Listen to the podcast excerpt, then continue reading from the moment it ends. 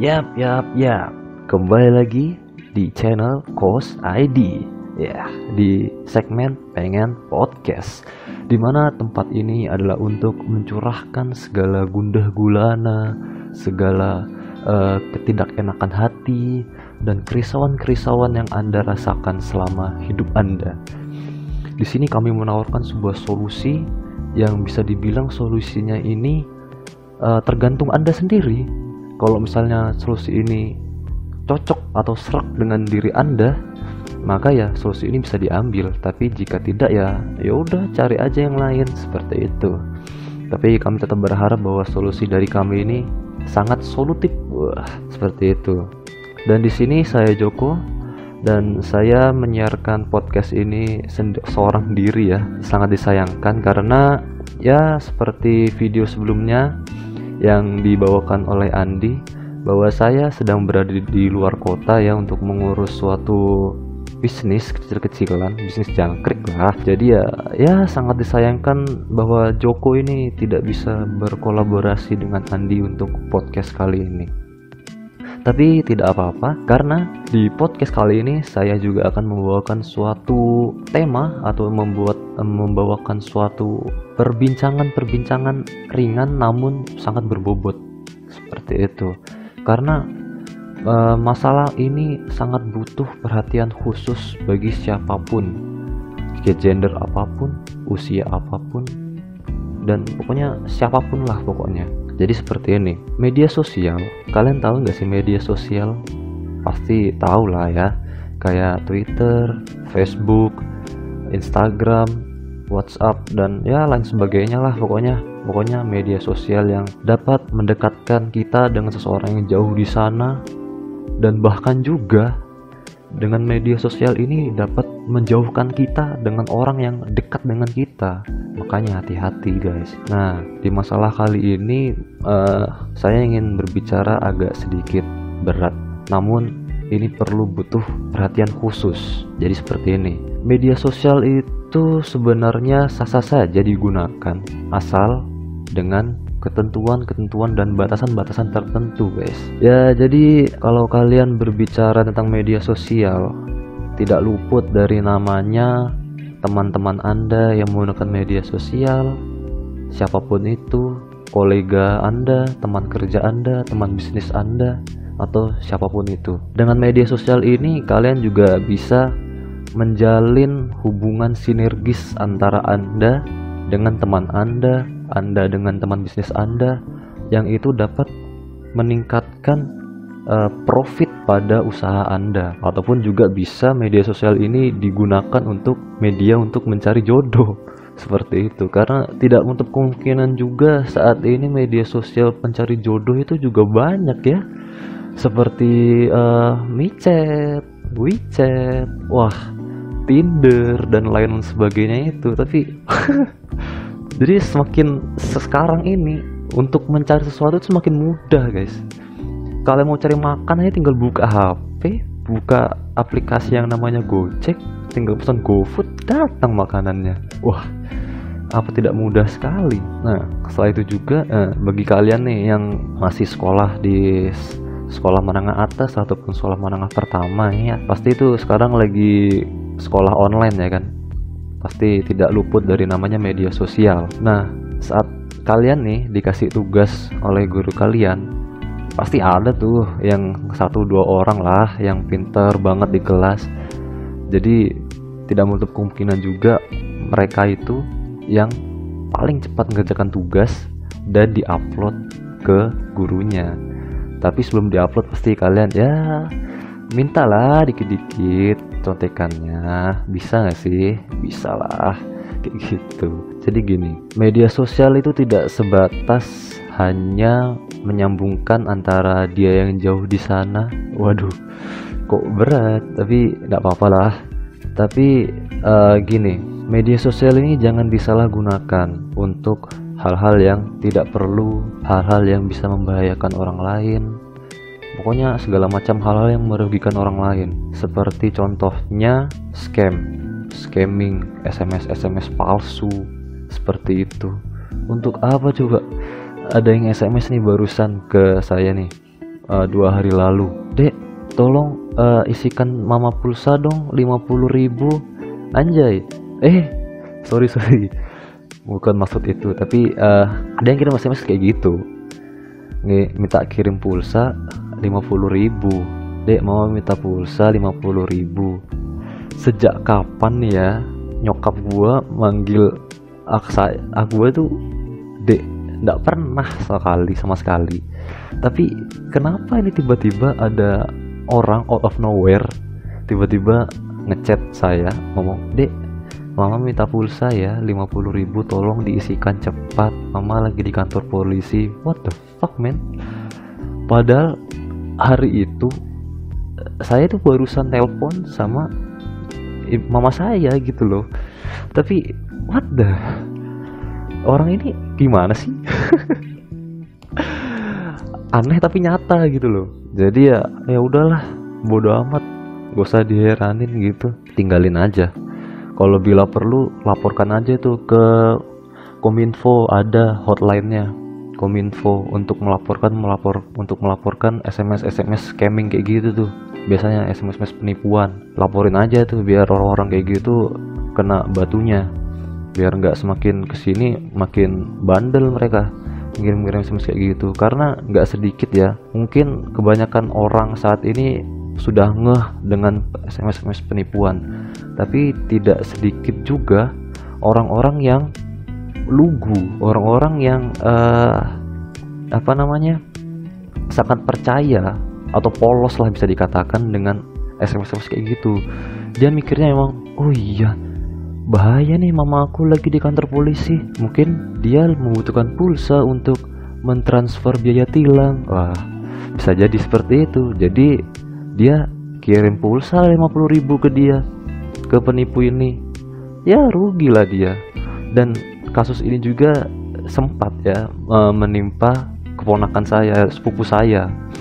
Nah sepupu saya juga ketipu. Dia bilang si penipu ini bahwa saya itu lagi ada di kantor polisi ditangkap karena kasus narkoba. Men kasus itu sudah lama sih tahun 2016an tapi aneh aja gitu. Padahal sebelumnya sehari sebelumnya saya dengan sepupu saya ini lagi kontekan nanya-nanya kabar. Eh mau kuliah di mana? Gini gini gini. Nah gitu. Tapi kok besoknya waktu subuh subuh tuh kan waktu itu lagi bulan puasa. Ya lagi bulan uh, bulan puasa ya.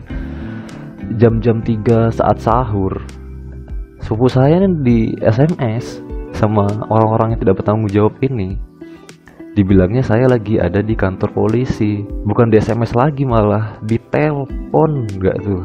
Di telepon bilangnya saya lagi ada di kantor polisi. What the fuck man?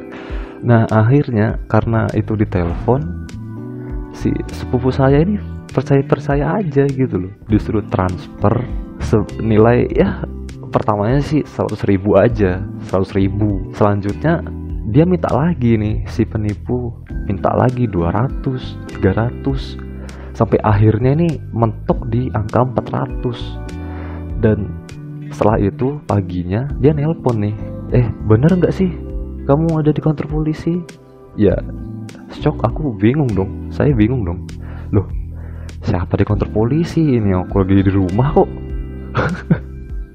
Akhirnya dia eh, udah lo yang tadi malamnya pun siapa siapa nelpon tadi malam? Siapa yang nelpon? Kan lagi sahur gitu kan. Jadi akhirnya ya ya ketipu deh jadinya. 400 ribu men melayang men. 400 ribu itu uangnya nggak sedikit. Untuk kaum kaum seperti saya ya yang masih miskin bersama Andi itu uang segitu tuh wah ya lumayan sih untuk biaya kehidupan. Jadi ya ya udahlah karena sepupu saya ini sudah tidak mau uh, menganggapnya itu lebih lanjut lagi untuk melupakannya saja ya ya udahlah biar aja ikhlasin aja biarkan aja uang itu menjadi amal ibadah tersendiri di mata Tuhan. Seperti itu. Ya lanjut lagi. Selain SMS SMS atau telepon-telepon scamming seperti itu media sosial juga sebenarnya banyak disalahgunakan seperti itu. Mulai dari uh, sharing-sharing media porno segala macam. Wah itu sih wah gimana ya? Itu itu ada seseorang uh, bukan seseorang sih sekelompok golongan membilang kalau itu adalah konten pemersatu bangsa. Tapi ya memang bener juga. Karena pada saat kemarin panas-panasnya pemilu presiden di kubu A, di kubu B saling serang, di gini gini gini.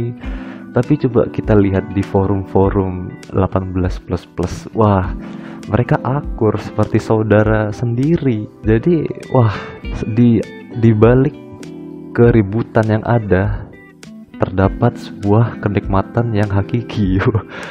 Waduh, jadi gimana nih? Tidak bisa disalahkan, tidak bisa juga dibenarkan. Tapi saya setuju kalau media sosial tidak digunakan untuk hal, -hal seperti itu karena mengingat bahwa media sosial ini tidak uh, digunakan oleh kalangan-kalangan umur tertentu seperti 21 tahun ke atas, dewasa, remaja, tapi banyak juga uh, yang memakai media sosial ini itu dari kalangan umur-umur muda, 17 tahun ke bawah seperti itu. Jadi please lah men, kalau misalnya kalian mau berbagi konten-konten pemersatu bangsa bisa di tempatnya sendiri gitulah ya yang tidak ada uh, orang-orang yang masih di bawah umur gitu seperti itu.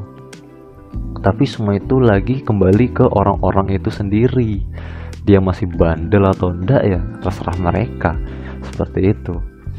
Nah untuk masalah selanjutnya nih ini yang lebih penting untuk diperhatikan selain dua masalah tadi. Kasus ini adalah bullying. Ya. Media sosial itu benar yang saya bilang tadi mendekatkan yang jauh dan menjauhkan yang dekat. Seperti itu karena kasus bullying ini sudah marak terjadi dari tahun-tahun sebelumnya sampai saat ini seperti itu. Dan bahkan tidak menutup kemungkinan juga kasus bullying ini dapat mengakibatkan kematian guys. Jadi kalian tahu nggak sih kalau mereka yang kalian bully itu uh, batinnya kuat atau enggak jiwanya itu kuat atau enggak untuk menerima uh, olokan-olokan dari kalian menerima hinaan-hinaan dari kalian? Pernah nggak sih kalian berpikir wah nggak apa-apa lah mereka dia tuh kuat aja kita ngomong kayak gini. Mungkin aja ya kalian berpikir seperti itu. Tapi tidak dengan dia men. Kalau bagi dia yang mentalnya tidak sekuat kalian kalian mengolok sana sini menghina dia ini itu. Saat dia untuk mencoba membela dirinya dari hinaan-hinaan atau olokan-olokan yang kalian berikan baik itu secara verbal dan non verbal apakah itu body shaming atau enggak segala macam lah pokoknya bentuk bulian. Saat mereka membela diri kalian bilang ah baperan lu ah baru gitu aja sudah baper. Men baper. Coba uh, kembalikan itu ke diri kalian sendiri. Bagaimana kalau kalian yang digitukan? Kayak gitu. Nggak menutup kemungkinan juga kalian akan uh, membela diri kalian. Yang ujung-ujungnya kalian akan dikatain alah gitu aja kok gua peran sih lu. Ah udah asik. Mending kita cari tongkrongan yang lain aja atau uh, enggak kita pindah ke tempat yang lain aja ah. Dia nggak asik baru kayak gitu sudah baper. Men baru gitu aja sudah baper. Sedangkan kalian tidak tahu bagaimana mentalitas dia di luar sana. Yang lebih parah lagi jika sebelumnya yang dibully ini sudah memiliki masalah tersendiri seperti masalah keluarga, broken home atau yang lainnya. Dia awalnya sudah tertekan men, sudah depresi, sudah ya sudah tertekan lah pokoknya, sudah anxiety-nya tuh tinggi sudah. Tapi kalian tambahi lagi, kalian cokoki lagi dengan hinaan-hinaan verbal maupun non verbal. Pokoknya ya semacam itu bagaimana dia tidak merasa lebih tertekan dan lebih depresi sedangkan depresi yang sangat dalam dapat mengakibatkan orang tersebut untuk bunuh diri men mikir gak sih kalian seperti itu Hah? kalian masih tega dengan membuli seseorang hingga orang tersebut meninggal di mana jiwa kemanusiaan kalian wahai para pembuli Hei, aku berbicara dengan kalian. Ayo balas di kolom komentar. Jadi gini, ada suatu kasus ya di luar negeri yang saya sadur dari metro.co.uk di mana ada seorang bocah 13 tahun bernama Diego di Inggris sana. Dia meninggal dunia setelah uh, mengalami bulian-bulian dari teman-temannya seperti itu. Bulian-bulian itu ya itu tadi hinaan-hinaan baik verbal maupun non verbal bahkan melewati kekerasan fisik sekalipun seperti itu. Dan bully ini itu dapat berdampak buruk seumur hidup bagi korban-korbannya. Ingat itu men. Jadi si Diego ini sekolah di Landmark Middle School, Moreno Valley, California. Oh salah, berarti tadi bukan di Inggris ya, tetapi di Amerika. Tapi beritanya ini dari Inggris. Jadi si Diego ini umur 13 tahun, dia lagi sekolah di SMP di California. Kemudian pada suatu hari itu dia ditinju di bagian wajahnya oleh salah satu seorang temannya di kelas lalu ditinju lagi gitu di bagian kepalanya oleh teman yang lain. Akibat uh, bully-bulian ini Diego ini sempat dilarikan ke rumah sakit. Karena dia setelah ditinju di bagian kepalanya kepala dia tuh menabrak beton di sekolahnya dan akhirnya dia kolaps. Seperti itu dan pingsan atau tidak sadarkan diri. Setelah dibawa ke rumah sakit dia ini sempat koma dan kritis. Jadi dokter ini sudah uh, berusaha sekuat tenaga ya untuk mengembalikan jiwanya yang tidak tahu entah ke mana. Tapi sayang ya takdir berkata lain bahwa nyawanya si Diego ini tidak tertolong karena dia mengalami cedera di bagian otak bagian belakangnya akibat pemukulan yang dilakukan oleh teman sekelasnya sendiri. Nah lalu untuk uh, selanjutnya teman-teman sekelasnya yang lain pun juga mengungkapkan bahwa sebelumnya Diego ini sebelum dipukul oleh teman-temannya ini sebelumnya Diego ini sudah mengalami intimidasi di sekolahnya. Baik itu secara offline maupun online. Waduh kayak kuliah aja sudah. Tapi ya memang begitu Hanu keadaannya. Dia sudah diintimidasi baik, baik itu secara online maupun on, offline. Nah kedua orang tuanya si Diego ini sangat marah mengetahui putranya menjadi korban bullying. Tapi nasi sudah berubah menjadi bubur men si Diego sudah tidak ada lagi. Dan semuanya menjadi sebuah penyesalan yang itu bahkan akan melekat sepanjang hidup Anda wahai para pembuli. Ingat ini baik-baik men bully itu bisa mengakibatkan kematian. Tidak perlu bully yang menggunakan kekerasan fisik. Tidak perlu ya saya garis bawahi lagi. Bully itu tidak perlu menggunakan kekerasan fisik untuk membuat korbannya meninggal. Karena hanya dengan uh, ketikan-ketikan pesan Anda di media sosial korban Anda itu korban yang Anda bully dapat mengakhiri hidupnya begitu saja. Karena mereka pikir hidup mereka itu sudah useless. Karena ya sebelumnya mereka sudah diintimidasi sebelumnya baik itu offline maupun online dan juga mempunyai uh, permasalahan-permasalahan tersendiri di kehidupan keluarganya seperti uh, broken home atau yang lainnya. Jadi please man jangan bully. Bully ini wah sama halnya kalian membunuh teman anda tanpa menyentuh seperti itu. Ini sudah kayak santet ya. Waduh sudah kayak santet ini. Bahaya ini membunuh tanpa menyentuh tapi membuli. Jadi aku garis bawahi lagi ya. Please stop bullying. Stop bullying karena bullying itu dapat membunuh temanmu. Karena sekarang ada tagline di rokok ya merokok dapat membunuhmu. Tapi di sini aku ganti bullying dapat membunuh temanmu. Itu menggarisbawahi bahwa seberapa kejamnya bullying itu sendiri. Jadi uh, itu saja yang akan saya sampaikan kepada kalian semua. Mungkin podcast ini agak sedikit panjang karena membahas hal-hal yang sebenarnya perlu perhatian khusus karena untuk saat ini juga kasus-kasus seperti ini tidak menutup kemungkinan masih ada di Indonesia. Baik itu melalui ala-ala orientasi mahasiswa baru atau yang lain dan sebagainya. Tidak ada yang tahu men. Jadi please stop bullying stop body shaming dan segala macam bentuk penghinaan-penghinaan itu terhadap orang lain. Karena coba kalian pikirkan orang lain itu sebagai uh, keluarga kalian sendiri. Kalian tega gak sih? Masa kalian tega ngehina keluarga sendiri? Hen ayo mari sama-sama kita berubah men. Stop bullying untuk Indonesia yang lebih maju. Untuk dunia yang lebih damai. Oke? Okay? mungkin konten ini sedikit uh, membahas ya hal-hal yang berat.